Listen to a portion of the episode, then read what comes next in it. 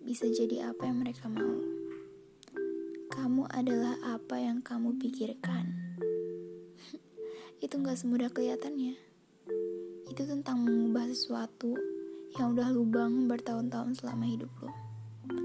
Tapi kata sulit di sini bukan berarti nggak mungkin ya. Lu tahu kenapa mimpi lu itu keren? Itu karena mimpi lu susah dicapai. Kalau gampang, pasti semua orang udah dapet dan itu nggak bakal jadi keren lagi.